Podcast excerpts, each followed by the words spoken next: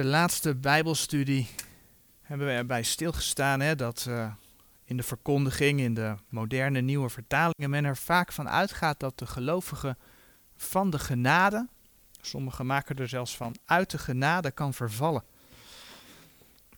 En men baseert dat dan op Galaten 5, vers 4. Maar hoe is dat dan te rijmen met het feit dat de gemeente juist van de Heere God te horen krijgt dat we ten volle verzekerd zijn? En dat de Heere zegt dat, hè, al verbranden al zijn werken, dat de gelovige zelf behouden is. Dat is niet te rijmen. En feit is dat Gods woord niet in tegenspraak is, dus dan zal er wel wat anders aan de hand zijn. En wat blijkt dan? Men let dan niet goed op de context van het geheel in Galaten 5, vers, vers 1 tot en met 4. Want wat hebben we gezien? Galaten 5, vers 2 tot en met 4 ging helemaal niet over gelovigen, maar ging over ongelovigen. Mensen die, die door de wet gerechtvaardigd wilden worden. Terwijl er maar één weg is, en dat is door de deur, door de Heer Jezus. Kom je de stal der schapen binnen. Dus gelaten 5, vers 2 tot en met 4 ging helemaal niet over gelovigen, maar over ongelovigen. En als zij een andere weg bedenken, bijvoorbeeld de eigen werken, werken der wet, dan zegt Gods woord, dan zijn zij van de genade vervallen. Want dan heeft Christus, die in feite voor alle mensen gestorven is, want dat is zo, maar dan heeft Christus geen effect voor hun.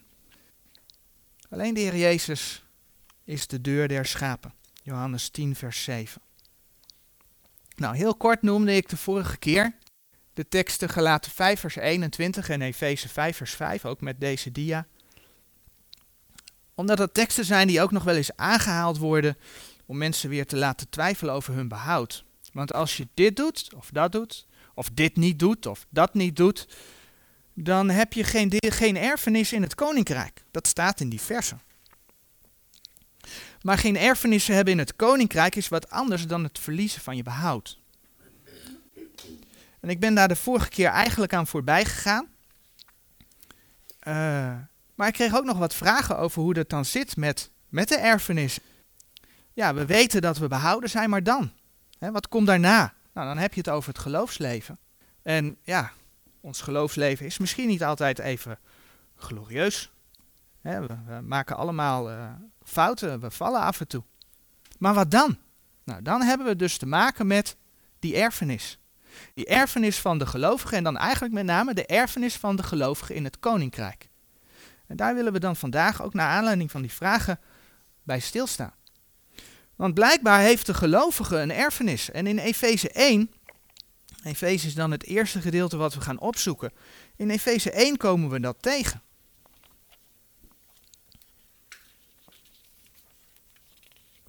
In Efeze 1, vers 11. In Efeze 1, vers 11, daar lezen we in hem, dus in Christus, in welke wij ook een erfdeel geworden zijn, wij die tevoren verordineerd waren naar het voornemen desgene die alle dingen werkt naar de raad van zijn wil. We lezen hier dat de gelovigen, want de brief is geschreven aan de heiligen, de gelovigen in Christus Jezus, dat staat in Efeze 1 vers 1, dat de gelovige in de Heer Jezus een erfdeel geworden is, of zoals de King James 1611 zegt, in wie wij ook een erfdeel gekregen hebben. In Christus hebben wij dus recht op een erfenis.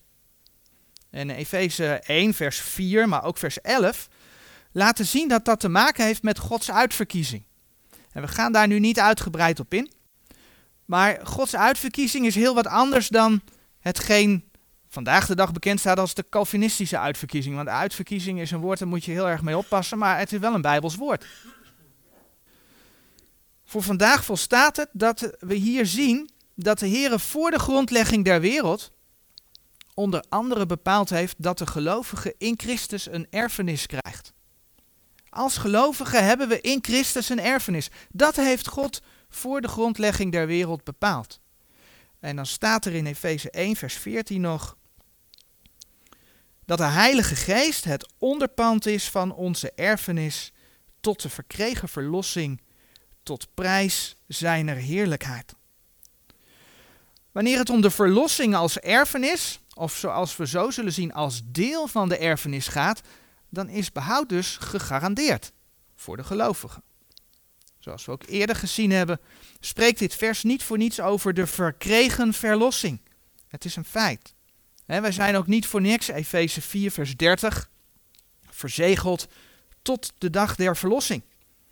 Elk kind van God is behouden en mag een schitterende toekomst tegemoet zien. In 1 Korinthe 2, vers 9, de tekst staat hier op de dia, daar lezen we. Maar gelijk geschreven is, hetgeen het oog niet heeft gezien en het oor niet heeft gehoord en in het hart des mensen niet is opgeklommen. Hetgeen God bereid heeft, dien die hem lief hebben. God heeft dus dingen voor ons bereid, voor degenen die hem lief hebben, wat geen mens heeft kunnen bedenken. Wat geen oog gezien heeft. Dat moet zo groot, zo mooi zijn, dat we ons er dus ook geen voorstellingsvermogen bij kunnen maken. En uit het feit dat de gelovige behouden is, betekent ook dat de gelovige opgenomen gaat worden wanneer de Heer zijn gemeente komt halen. 1 Thessalonicense 4, vers 17. En de gelovige krijgt dan, 1 Korinthe 15, vers 52 en 53, een opstandingslichaam. Dat is een feit. We zullen de Heer Jezus gelijkvormig wezen, zegt Gods woord. En ook dat is iets wat God al voor de schepping bepaald heeft. We vinden dat bijvoorbeeld in uh, Romeinen 8, vers 29.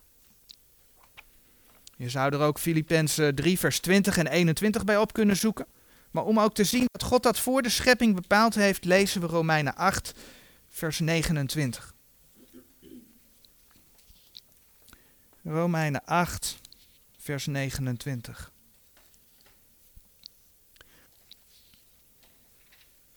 Romeinen 8, vers 29. Want die hij tevoren gekend heeft, die heeft hij ook tevoren verordineerd den beelden zijn zoons, het beeld van zijn zoon, gelijkvormig te zijn. Omdat hij de eerstgeborene zij onder vele broederen. Dat is Romeinen 8, vers 29. En dat gaat gewoon gebeuren. En in diezelfde erfenis ligt besloten dat onze woning zal zijn in het nieuwe Jeruzalem. Dat nu nog boven is. Woning van, van, van de Here. Waar de troon van God en van het Lam is. Ja, en daar waar God woont zijn vele woningen. En daar is de Heer Jezus voor ons plaats gaan bereiden in Johannes 14. Vers 2 en 3.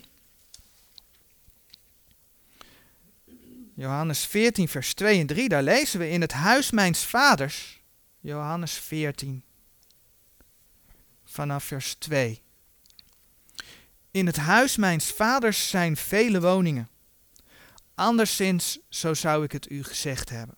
Ik ga heen om uw plaats te bereiden.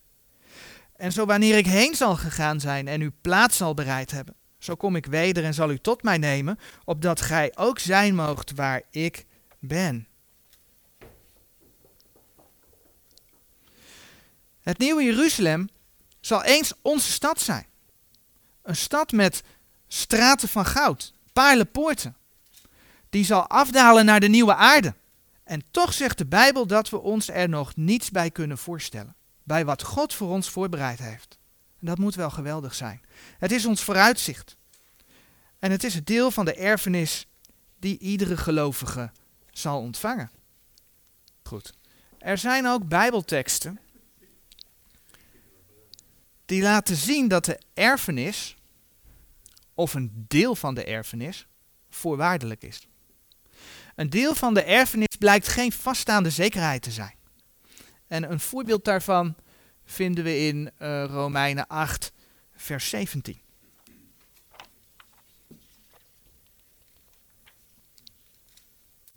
Romeinen 8, vers 17. En indien wij kinderen zijn, zo zijn wij ook erfgenamen. Erfgenamen Gods en mede-erfgenamen van Christus, zo wij anders met Hem lijden, opdat wij ook met Hem verheerlijkt worden. Het zo wij anders betekent indien wij althans. Dus hier zien we een indien. Het vers zegt dat wij erfgenamen en mede-erfgenamen zijn, indien wij althans met Hem lijden, opdat wij ook met Hem verheerlijkt worden. En wat blijkt dan? De erfenis bestaat niet alleen uit behoud. En het ontvangen van de gehele erfenis is dus niet vanzelfsprekend. Hetzelfde vinden we bijvoorbeeld in Colossense 3. Colossense 3, vers 24.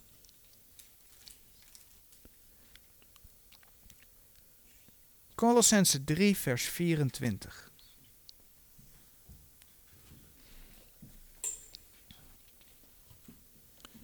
Colossense 3, vers 24. Wetende dat gij van de Heere zult ontvangen de vergelding der erfenis. Want gij dient de Heere Christus. En dan vers 25 nog. Maar die onrecht doet, die zal het onrecht dragen dat hij gedaan heeft. En er is geen uitneming des persoons. Hè? God maakt geen uitzondering voor bepaalde personen.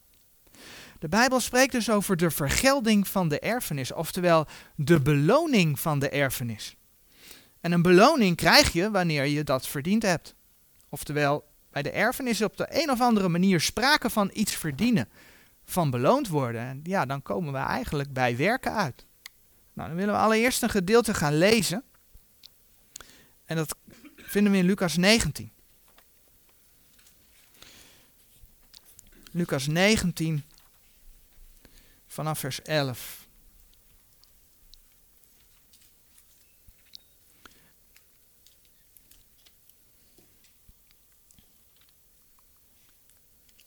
Lucas 19 vanaf vers 11.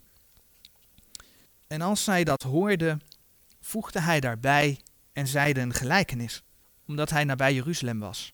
En omdat zij meende dat het koninkrijk Gods terstond zou openbaar worden. Hij zeide dan: Een zeker welgeboren man reisde in een vergelegen land om voor zichzelf een koninkrijk te ontvangen en dan weder te keren. En geroepen hebbende zijn tien dienstknechten, gaf hij hun tien ponden en zeide tot hen: Doet handeling totdat ik kom. En zijn burgers haatten hem en zonden hem gezanten na, zeggende, wij willen niet dat deze over ons koning zijn. En het geschiedde toen hij wederkwam, als hij het koninkrijk ontvangen had, dat hij zeide dat de dienstknechten tot hem zouden geroepen worden, indien hij het geld gegeven had. Opdat hij weten mocht wat een iegelijk met handelen gewonnen had. En de eerste kwam en zeide, Heere, uw pond heeft tien ponden daartoe gewonnen. En hij zeide tot hem, wel gij goede dienstknecht, Terwijl gij in het minste getrouw zijt geweest, zo hebt macht over tien steden. En de tweede kwam en zei de heren, uw pond heeft vijf ponden gewonnen. En hij zeide ook tot deze, en gij wees over vijf steden. En een ander kwam, zeggen de heren, zie hier uw pond, het welk ik in een zweetdoek weggelegd had. Want ik vreesde u, omdat gij een straf mens zijt. Gij neemt weg wat gij niet gelegd hebt, en gij maait wat gij niet gezaaid hebt. Maar hij zeide tot hem, uit uw mond zal ik u oordelen, gij boze dienstknecht. Gij wist dat ik een strafmens ben, en nemende weg wat ik niet gelegd heb, en maaiende wat ik niet gemaaid heb, gezaaid heb. Waarom hebt gij dan mijn geld niet in de bank gegeven? En ik, komende, had hetzelfde met woeker mogen eisen. Hij zeide tot degene die bij hem stonden, neemt dat pond van hem weg en geeft het dien die de tien ponden heeft. En zij zeiden tot hem, heren, hij heeft de tien ponden. Want ik zeg u, dat een iegelijk die heeft, zal gegeven worden. Maar van degene die niet heeft, van dien zal genomen worden ook wat hij heeft. Doch deze mijn vijanden die niet hebben, gewild dat ik over hen koning zou zijn, brengt ze hier en slaat ze hier voor mij dood. Dat is de gelijkenis van de tien ponden. En heel bewust heb ik voor deze gelijkenis gekozen, omdat er in Matthäus staat er een soort gelijke gelijkenis en die gaat over de talenten. Het verschil is alleen dat Matthäus spreekt over het koninkrijk der hemelen en Lucas spreekt over het koninkrijk Gods. De hemelen die behoren tot Gods schepping, Gods fysieke schepping. En daar waar het koninkrijk der hemelen besproken wordt, gaat dat vaak over het duizendjarige vrederijk. Terwijl Paulus bijvoorbeeld ook het koninkrijk Gods brengt. Paulus die zegt bijvoorbeeld in Romeinen 14, vers 17, want het koninkrijk Gods is niet spijs en drank, maar rechtvaardigheid en vrede en blijdschap door de Heilige Geest. En daar waar er in de evangelie sprake is over het koninkrijk Gods, zie je dan ook dat dat vaak ook een uitleg voor de gemeente heeft. Een verschil tussen de, de gelijkenis van de talenten en de gelijkenis van de ponden is dan ook dat je ziet dat de boze dienstknecht in Matthäus, bij de gelijkenis der hemelen, uh, in de buitenste duisternis geworpen wordt. Dat kom je bij de gelijkenis van de ponden niet tegen. Waarom niet?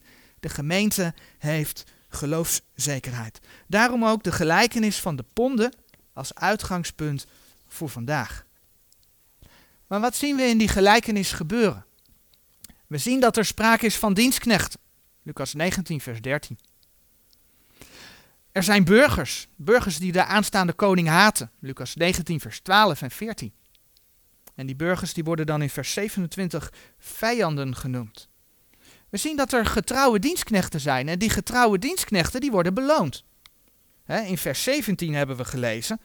Ehm, en hij zeide tot hem, wijl gij goede dienstknecht, terwijl gij in het minste getrouw zijt geweest, zo hebt macht over tien steden.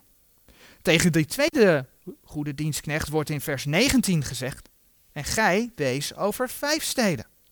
Maar dan komt er dus een dienstknecht die niets heeft gedaan met dat pond dat hij gekregen had. En over die wordt in vers 24 gezegd, en ik lees het nog een keer. Neemt dat pond van hem weg en geeft het dien die de tien ponden heeft. En dan voegt vers 26 daar nog aan toe, want ik zeg u dat een iegelijk die heeft zal gegeven worden, maar van degene die niet heeft, van die zal genomen worden, ook wat hij heeft. En dan gaat vers 27 eh, nog over de vijanden die gedood worden. Zoals gezegd zien we in deze gelijkenis niet dat de boze dienstknecht in de hel komt. Een gemeentelid kan blijkbaar loon krijgen, maar hij kan alles verliezen. Maar in dat laatste geval is zijn ziel behouden. Nou, een tekstgedeelte die we al vaker hebben aangehaald, maar die we hier wel bij gaan lezen, is 1 Korinthe 3. 1 Korinthe 3, vers 11 tot en met 15, want daar vind je dat precies. 1 Korinthe 3, vers 11 tot en met 15.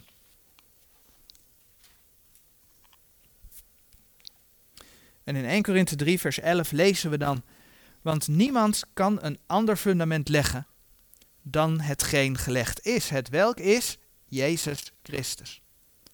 En indien iemand op dit fundament bouwt, goud, zilver, kostelijke stenen, hout, hooi, stoppelen, eens iegelijks werk zal openbaar worden, want de dag zal het verklaren, terwijl het door vuur ontdekt wordt. En hoedanig eens iegelijks werk is, zal het vuur beproeven. Zo iemands werk blijft dat hij daarop gebouwd heeft, die zal loon ontvangen. Zo iemands werk zal verbrand worden, die zal schade lijden, maar zelfs zal hij behouden worden, doch al zo als door vuur. Hieruit wordt duidelijk dat wanneer de gelovige niets gedaan heeft met zijn behoud, als zijn werken verbranden namelijk, dat hij in ieder geval zelf behouden is. Maar hij verliest blijkbaar alles. Een ander voorbeeld waar dat ook uit blijkt.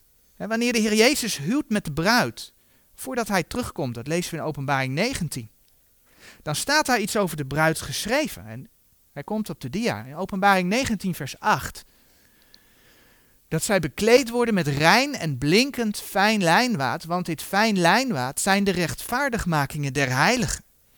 Als je dan weet dat de eindtijdgemeente Laodicea het volgende te horen krijgt.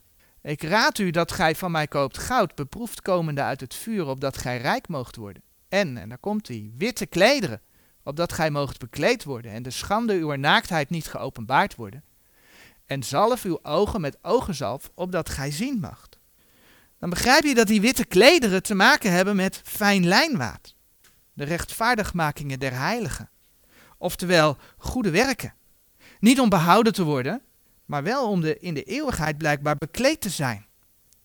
De Bijbel spreekt niet voor niets over ehm, de schande uw naaktheid. Dat die geopenbaard worden. Ook hier zien we dus dat de gelovige weliswaar behouden kan zijn, maar veel te verliezen heeft. Of nog steeds veel te winnen. Want de andere kant van het geheel is natuurlijk dat wanneer de gelovige gebouwd heeft op het fundament en de werken blijven, dat de gelovige beloond zal worden. Wanneer we de gelijkenis van de ponden hierbij bekijken, dan beseffen we dat die beloning te maken heeft met het regeren of meeregeren met de koning in het koninkrijk. Want al naar gelang de werken zijn, zullen we macht hebben over steden in het koninkrijk. En is dat een vreemde gedachte? Nee, absoluut niet. En wanneer Johannes opgenomen wordt in de hemel, en dat lees je in Openbaring 4, dan ziet hij rondom Gods troon, ziet hij 24 tronen. Op die tronen zitten 24 ouderlingen. Die onder andere gouden kronen op hun hoofden hebben. Dat staat in Openbaring 4, vers 4. En onder andere deze ouderlingen die zingen dan een lied in Openbaring 5. En in dat lied lezen we bijvoorbeeld in vers 9 en 10 het volgende. Openbaring 5, vers 9. En zij zongen een nieuw lied, zeggende, Gij zijt waardig het boek te nemen en zijn zegelen te openen. Want gij zijt geslacht en hebt ons goden gekocht met uw bloed uit alle geslacht en taal en volk en natie. En gij hebt ons, ons een God gemaakt tot koningen en priesters. En wij zullen als koningen heersen op de aarde. Die 24 ouderlingen die zijn een vertegenwoordiging van de gemeente in de hemel. Zij zijn uit alle volken gekocht door het bloed van het lam. En ze zijn in de hemel op het moment dat de grote verdrukking over de aarde gaat. En de gemeente dus opgenomen is. En dan zegt vers 10 van Openbaring 5 dat zij zullen heersen als koningen op de aarde. Dus ja, in principe zal de gemeente met de Heer Jezus op aarde regeren. En dus, de gelijkenis van de ponden, macht hebben over steden. Maar dat meeregeren hangt blijkbaar af van de beloning. Zoals onder andere blijkt uit de gelijkenis van de ponden. Als we beloond worden, zullen we macht hebben over steden in zijn koninkrijk. Maar we kunnen schijnbaar alles kwijtraken, met de woorden van 1 Korinthe 3, schade lijden. En zullen dan niet gesteld worden over steden. En dat is iets wat we ook letterlijk vinden in de brieven aan de gemeente. En dan gaan we naar 2 Timotheus. 2 Timotheus 2.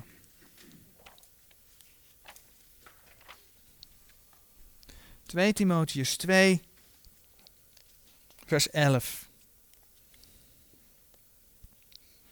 Dit is een getrouw woord. Want indien wij met hem gestorven zijn, zo zullen wij ook met hem leven. Eigenlijk gaat dit over de wedergeboorte. Indien wij met hem gestorven zijn, zo zullen wij ook met hem leven. Vers 12. Indien wij verdragen, wij zullen ook met hem heersen. Indien wij hem verloochenen, hij zal ons ook verloochenen.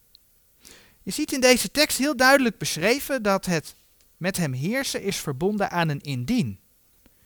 Het meeregeren met Christus, die duizend jaar, dat is het deel van de erfenis dat we kunnen verdienen. Maar er stond nog iets in die tekst. Indien wij hem verlogenen, hij zal ons ook verlogenen. Sommigen denken dat die tekst inhoudt dat de Heer gelovigen zal afwijzen met de woorden: Ik heb u nooit gekend. Dat komen we onder andere in Matthäus 7, vers 23 en Matthäus 25, vers 12 tegen. Maar dit kan, gezien de belofte over de geloofszekerheid in de brieven aan de gemeente, nooit slaan op wederom geboren christenen. Kan niet. Maar waarin zal hij ons dan verlogenen? Wanneer wij hem verlogenen. Wij zullen dan dus niet mogen heersen met Christus. Dat staat namelijk direct in de context. Indien wij, vers 12, indien wij verdragen, wij zullen ook met hem heersen. Indien wij hem verloochenen, hij zal ons ook verloochenen. En dat het verloochenen niets te maken heeft met het behoud, blijkt ook uit vers 13. 2 Timotheus 2, vers 13. Indien wij ontrouw zijn, hij blijft getrouw. Hij kan zichzelf niet verloochenen. Jezus Christus is naar de aarde gekomen. Hij heeft onze straf op zich genomen, heeft hij gedragen. En ons op grond daarvan het eeuwige leven als genadegift gegeven. Dat is iets wat hij niet zal intrekken. Hij blijft getrouw. Maar het meeregeren met Christus geeft de Heer als een beloning aan de goede dienstknechten. Aan de dienstknechten die het verdiend hebben. Is de Bijbel geen prachtig boek? En eigenlijk, eigenlijk toch ook wel duidelijk. Het Bijbelse beeld van het macht hebben over steden in de evangelie klopt met wat de Bijbel zegt over het meeregeren met Christus. Maar het klopt tevens als we zo gaan kijken naar het soort loon dat de gelovige van de Heer heeft ontvangen. Want de Bijbel spreekt namelijk over vijf kronen. Een koning draagt een kroon. Net als de ouderlingen, hè, als beeld van de gemeente in de hemel, waarvan we in Openbaring 5 gezien hebben, dat ze zullen meeregeren met Christus. Die ouderlingen zaten op tronen en droegen gouden kronen. Met de kronen die wij verdienen, zullen we dus met Christus kunnen meeregeren over steden hier op aarde in zijn duizendjarig vrederijk. Maar wat zien we dan gebeuren in de nieuwe vertalingen? We zien dat men zich in de schriftuitleg laat leiden door de Griekse cultuur, al dan niet Griekse mythologie. En in plaats van door de leiding van de Heeren schrift met schrift te vergelijken, gaat men naar die Griekse cultuur toe. Veelal wordt namelijk het woordje kroon, zoals het in de Statenvertaling in al deze teksten voorkomt, vervangen door krans, erekrans, lauwerkrans. de BGT gaat zelfs zover, we hebben ondertussen wel gezien dat een kroon te maken heeft met een beloning. De BGT zegt heel gewoon dat een kroon het eeuwige leven is. Ja, dus daarmee heb je dus de werken, dat je werkt voor het eeuwige leven, er terug in. Is het zo verwonderlijk? Ik kwam erachter, ik heb hem meegenomen, in de Bijbel met uitleg, als je naar de kronen gaat kijken, wordt overal als toelichting gegeven dat het het eeuwige leven is. Op die manier zijn we dus met z'n allen, als het waar zou zijn, want het is niet waar, maar zijn we dus aan het werken voor ons behoud. Want op het moment dat jij die kronen verliest, je, verlies je die kroon, verlies je dus het eeuwige leven. Ook de HSV eh, heeft dus een aantal keren het woord krans in plaats van kroon. Wat zie je in die meeste nieuwe vertalingen gebeuren? Nou, de krans mag duidelijk zijn hè, dat dat komt uit de Griekse cultuur, de Griekse mythologie, de wedloop, uh, de sporten, uh, de Olympische Spelen. Men kreeg een krans als men gewonnen had. Uh, daar komt die krans dus vandaan. En er is natuurlijk een gedeelte waar we zo bij stilgestaan. 1 Korinthe 9, vers 24 tot en met 27, wat spreekt over die loopbaan. En daar heeft men vooral ook, ook de HSV het woordje krans ingevuld. Maar schrift met schrift vergelijkend zien we dat men eigenlijk in bijna alle vertalingen, de MBV is consequent wat dat betreft, maar toch het woordje kronen in openbaring 4 vers 4 laat staan. Waarom? Daar gaat het over ouderlingen die als koningen zullen meeregeren in het duizendjarige vrederijk. En wat heeft een koning op? Een koning heeft een kroon op. Dus daar laat men kronen staan. Vaak. Maar zie je met name ook in de BGT hoe dat leidt tot er is geen verbinding meer tussen het meeregeren en, de, en de, de, de beloning die te verdienen is. Het is er niet meer, want de een zegt eeuwig leven, terwijl de koning een kroon heeft. Waarvoor heeft een koning een kroon? Om te kunnen meeregeren. Het is weg. Bijbels gezien bestaat die beloning niet uit kransen, want we worden koningen. Wij verdienen kronen, gouden kronen die onvergankelijk zijn en niet vergankelijk. Exact eigenlijk zoals de oude Statenbijbel, de King James dat zeggen. Ik vind dat mooi hoe de Heer zijn woord bewaard heeft en hoe dat gewoon klopt. Dat complete plaatje van de gelijkenis van de ponden, het gesteld worden over steden, um, uh, het meeregeren met Christus, de koningen en de kronen. Het klopt met elkaar. Nou, en door die kronen te bestuderen, krijgen we dan zicht op hoe wij beloond worden. Maar ook welke oorzaken er in ons leven zijn, waardoor wij minder zullen meeregeren in het koninkrijk. Tot zelfs schade kunnen lijden, omdat we alleen ons naakte lijf redden. Zoals we zojuist gezien hebben. En laten we die kronen langs gaan. Enkele van de kronen noem ik. En op enkele gaan we iets verder in. Allereerst staat er in Jacobus 1, vers 12 en Openbaring 2, vers 10. Geschreven over de kroon des levens. Dat is een kroon, als je die teksten gaat lezen, dat heeft te maken met het lijden voor de naam van de Heer Jezus. Op die kroon gaan we vanmorgen niet verder in. In 1 Petrus 5, vers 4 wordt gesproken over de onverwelkelijke kroon der heerlijkheid. Dat is een kroon voor herders die de kudde gods gewijd hebben. Ook bij die kroon zullen we vanmorgen niet verder stilstaan. Dan zijn er nog drie en daar willen we iets uitgebreider naar kijken. En de eerste daarvan is 2 Timotheus 4, vers 8. De kroon der rechtvaardigheid. Laten we 2 Timotheus 4, vers 8 even opzoeken. 2 Timotheus 4, vers 8. Voorts is mij weggelegd de kroon der rechtvaardigheid, welke mij de Heere, de rechtvaardige rechter, in die dag geven zal. En niet alleen mij, maar ook allen die zijn verschijning lief gehad hebben. Alle die de Heer Jezus verwachten, wacht de kroon der rechtvaardigheid. Zie je hoe belangrijk het is om de bijbelse gerichtheid op zijn komst vast te houden. vele kerken die geloven niet dat de Heer Jezus letterlijk terugkomt om op aarde koning te worden. Meestal is het zo dat in, in, in de theologie de Heer Jezus nu koning is. Nee, hij gaat koning worden op aarde. Dat zegt de Bijbel. De Heer Jezus heeft ook gezegd dat hij terug gaat komen. Hè? Uh, Handelingen 1 vers 11. Op dezelfde wijze als hij heen gegaan is. En de opname van de gemeente is in vele richtingen al helemaal taboe. En toch heeft de Heer gezegd dat hij ons zal komen halen om ons te brengen waar hij is. Johannes 14 vers 3. Wanneer wij ons blijven vasthouden aan Gods woord en de Heer Jezus blijven verwachten, dan verdienen we die kroon der uh, rechtvaardigheid. Dat is wat Gods woord laat zien. Verwacht je hem niet, dan zul je die kroon dus missen. Heb je ook bij een van die andere punten geen kronen verdiend, heb je geen beloning. Blijkbaar ben je dan meer met het vlees bezig geweest, denk ik. Gezien ook waar de andere kronen over gaan, waar we het zo nog over zullen hebben. Zal dat wegbranden, zul je schade lijden voor de rechterstoel van Christus. Dat is wat Gods woord laat zien.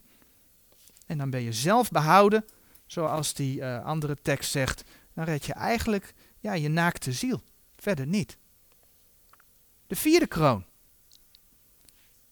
staat in 1 Thessalonicense 2 vers 19. De kroon des roems. Iedere gelovige heeft, zegt, Gods woord, de bediening der verzoening. Dat kun je onder andere lezen in uh, 2 Korinthe 5 vers 18. En 2 Korinthe 5 vers 20 zegt dan ook dat we gezanten zijn van Christus wegen. Dus 2 Korinthe 5 vers 20. Iedere gelovige is door God geroepen om de mensen toe te roepen. Datzelfde 2 Korinthe 5 vers, vers 20. Wij bidden u van Christus wegen, laat u met God verzoenen. Iedere gelovige heeft die opdracht. Maar doen wij dat als gelovigen ook? Het is niet altijd makkelijk.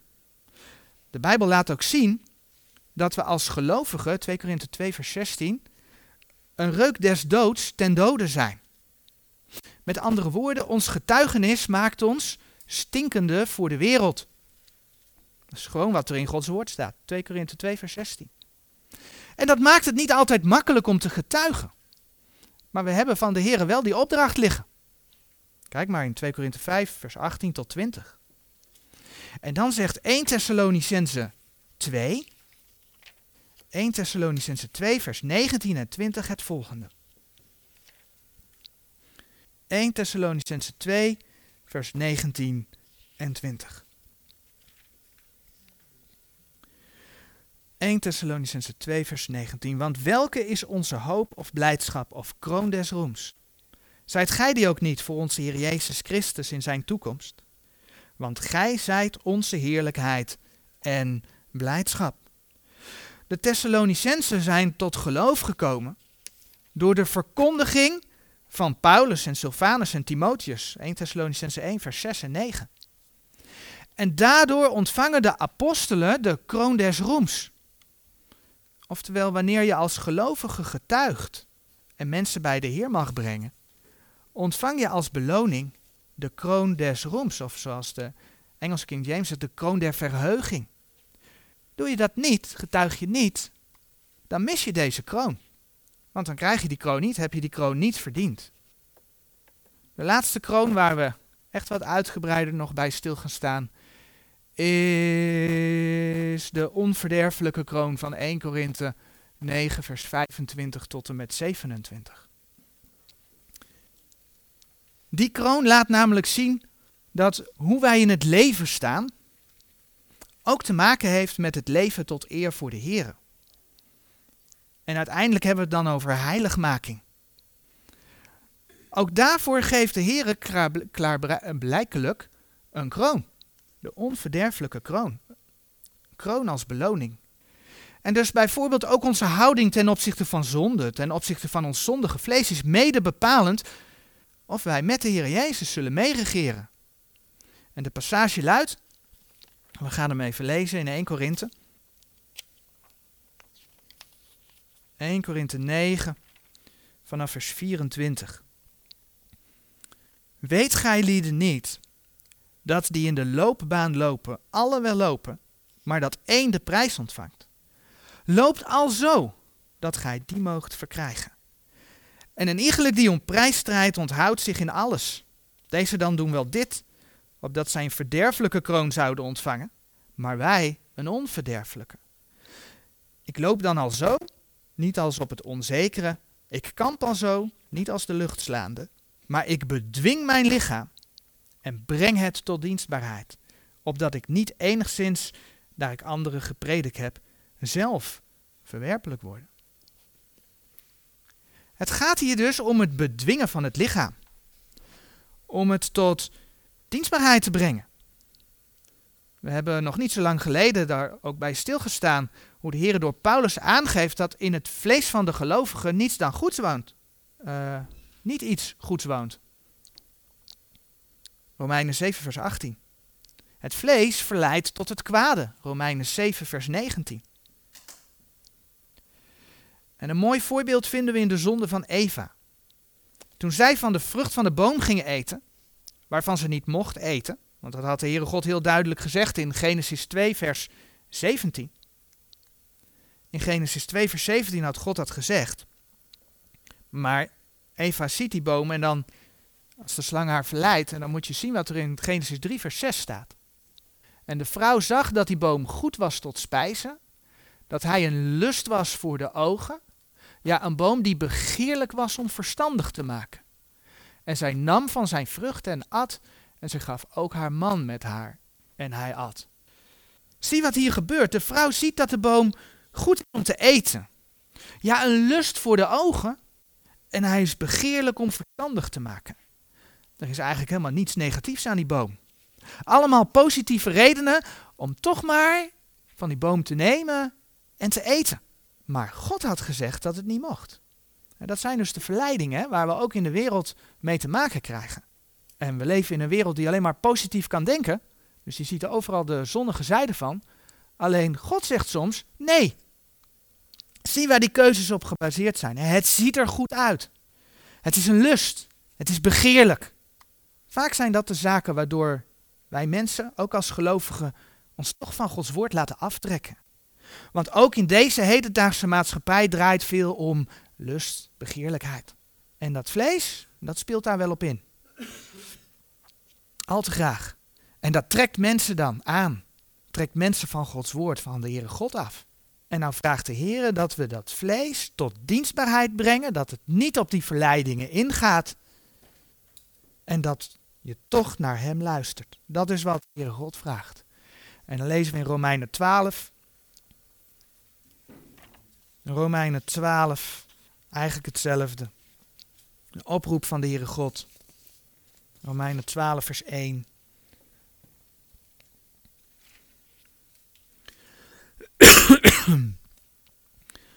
Romeinen 12, vers 1. Ik bid u dan, broeders, door de ontfermingen Gods, dat gij uw lichamen stelt tot een levende, heilige en Gode welbehagelijke offerande, welke is uw redelijke godsdienst. En wordt deze wereld niet gelijkvormig, maar wordt veranderd door de vernieuwing uws gemoeds, opdat gij moogt beproeven welke de goede en welbehagende en volmaakte wil van God is. We worden dus opgeroepen om niet wereldgelijkvormig te zijn. En waar moeten we dan aan denken?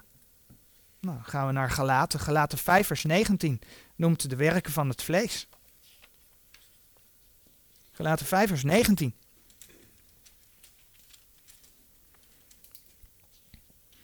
Galaten 5 vers 19. De werken des vle vleeses nu zijn openbaar. Welke zijn overspel, hoerij, onreinheid, ontuchtigheid, afgoderij, vernijngeving, een moeilijk woord voor toverij, vijandschappen, twisten. Bij twisten moet je denken aan ruzies, afgunstigheden, jaloezieën, toren, gekijf. Gekijf is ook een vorm van ruzie maken. Tweedracht, ketterijen, nijd, moord, dronkenschappen, brasserijen. Brasserijen, feest of, of, drinkgelagen en dergelijke. Van de welke ik u tevoren zeg, gelijk ik ook tevoren gezegd heb dat die zulke dingen doen, het koninkrijk Gods niet zullen beërven. En in Efeze 5 vers 1 tot en met 5 staat nog zo'n opsomming. En werken die hier niet genoemd worden, werken van het vlees die hier niet genoemd worden, maar daar wel, zijn bijvoorbeeld gierigheid, oneerbaarheid nou of, of vuilheid. En dan staat er zot geklap, oftewel raar of dwaas praten en gekkernij. Deze werken van het vlees staan heel duidelijk tegenover de vrucht van de geest. En de vrucht van de geest die wordt in Galaten 5 vers 22 genoemd. Maar de vrucht des geestes is liefde, blijdschap, vrede, langmoedigheid. Langmoedigheid is geduld, goede tierenheid of vriendelijkheid, goedheid, geloof, zachtmoedigheid, matigheid. Dat is de vrucht van de geest. Mogen we dan nooit meer een grapje maken? Nou, ik denk dat het daar niet om gaat. Maar praten wij kwaad over de ander? In, in 2 Korinthe 12 vers 20 wordt achterklappen, roddel genoemd. Maken wij de ander belachelijk? een ander voorbeeld. De wereld die leeft zo langzamerhand van het ene feestje naar het andere feestje. En meestal is daar drank bij betrokken. En hoe gekker, hoe mooier men het vindt. Zoeken we graag ruzie om die ander dwars te zitten? Heel ander iets. Is het waar wat we zeggen? Of zeggen we telkens A, maar doen we vervolgens B, C of D? Zomaar een paar voorbeelden. Hè? En dan hebben we het nog niet eens over, want die kom je ook in bij de werken van het vlees tegenover. Moord, over, over overspel gehad. Maar de wereld laat ons een bepaalde levensstijl zien. Daar zitten al die elementen zitten daarin. Die laat ons een bepaalde levensstijl zien en gaan wij daarin mee? Of, en dan voor sommige dingen is dat voor ons heel makkelijk, dat leggen we zo naast ons neer, maar voor andere dingen moeten we daar echt ons vlees voor bedwingen. Moeten we het tot gehoorzaamheid brengen? Of richten we ons op de Here en onderwerpen we ons aan Hem? zodat die vrucht van de geest in ons ook kan gaan groeien. Nou, als gelovigen mogen we weten, en dan kom ik terug bij Efeze 5, mogen we weten de Heilige Geest te hebben ontvangen. En in Efeze 5, vers 9 tot 11 lezen we dan ook. Want de vrucht des geestes is in alle goedheid en rechtvaardigheid en waarheid, beproevende wat de Heere wel behagelijk is en hebt geen gemeenschap met de onvruchtbare werken der duisternis, maar bestraft ze ook veel eer. Wanneer wij Gods woord lezen, dan zal de Heilige Geest ons dus laten zien wat de Heer van ons wil. Maar hij laat ook zien wat er niet goed is in ons leven. In Efeze 5, vers 12 en 13 lezen we: Want hetgeen heimelijk van hen geschiet, is schandelijk ook te zeggen. Maar al deze dingen van het licht bestraft zijnde, worden openbaar, want al wat openbaar maakt, is licht. Maar als die dingen door het lezen van Gods woord, doordat God zijn licht daarop geeft, openbaar worden, buigen we daar dan ook voor? Of gaan we toch onze eigen weg? En dat vraagt dan opnieuw, iedere keer opnieuw, van ons ook weer een keuze. Efeze 5, vers 8 en 14. Eerst vers 8 van Efeze 5. Want gij waart eertijds duisternis, maar nu zijt gij licht in de Here. Wandelt als kinderen des lichts. Doe er wat mee. Vers 14. Daarom zegt hij, ontwaak gij die slaapt en sta op uit de doden en Christus zal over u lichten. Dus als gelovigen kunnen we ook slapen. Ontwaak gij die slaapt. En dan zegt Efeze 5 vers 15 tot 18 over onze levenswandel. Ziet dan hoe gij voorzichtiglijk wandelt niet als onwijze, maar als wijze. De tijd uitkopende, terwijl de dagen boos zijn. Daarom zijt niet onverstandig, maar verstaat welke de wil des Heren is. En wordt niet dronken in wijn, waarin overdaad is, maar wordt vervuld met de geest. Gods woord lezen, bidden. Gods woord proberen in de praktijk te brengen en naar te leven. En als het niet lukt, om vergeving vragen. Op die manier wil de Heer ons door zijn geest leiden, om vervolgens ook de vrucht van de geest in ons leven te kunnen laten groeien. En daarmee de onverderfelijke kroon, de onverderfelijke kroon, te verdienen. God tilt zwaar aan de zonde. Wanneer wij ons vlees niet tot dienstbaarheid brengen, dan verspelen we niet ons behoud, maar dan missen we wel de onverderfelijke kroon in de eeuwigheid. En in feite verkleinen we daarmee onze erfenis. En we verkleinen daarmee de macht om te heersen over steden, om mee te regeren in het koninkrijk. Missen we de andere kronen ook, dan lijden we schade. En in de sport in de wereld, hè, daar laat men vele zaken om de top te bereiken. Dat is eigenlijk wat we in 1 Korinthe 9 gelezen hebben. Men doet er alles voor. En dat is eigenlijk waar de Heer ons toe oproept. Zo moeten wij lopen in ons leven om de prijs, de kroon, te behalen. En zo hebben we dan gezien dat de gelovige een erfenis heeft. We hebben gezien hoe de gelovige daar in het leven van alle dag ook zelfs nog invloed op uit kan oefenen. Niet op behoud. Niet op het opstandingslichaam. Niet op het feit dat we in het Nieuwe Jeruzalem zullen wonen. Maar wel op het plekje in het koninkrijk. Red ik mijn naakte lijf al zo als door vuur, hè, 1 Korinthe 3 vers 15, of word ik beloond en mag ik deelnemen aan het koninkrijk en met hem heersen. Ter afsluiting Colossense 3 vers 4, 23 en 24. En al wat gij doet, doet dat van harte als voor de Here en niet voor de mensen. Wetende dat gij van de Here zult ontvangen de vergelding der erfenis, want gij dient de Heere Christus.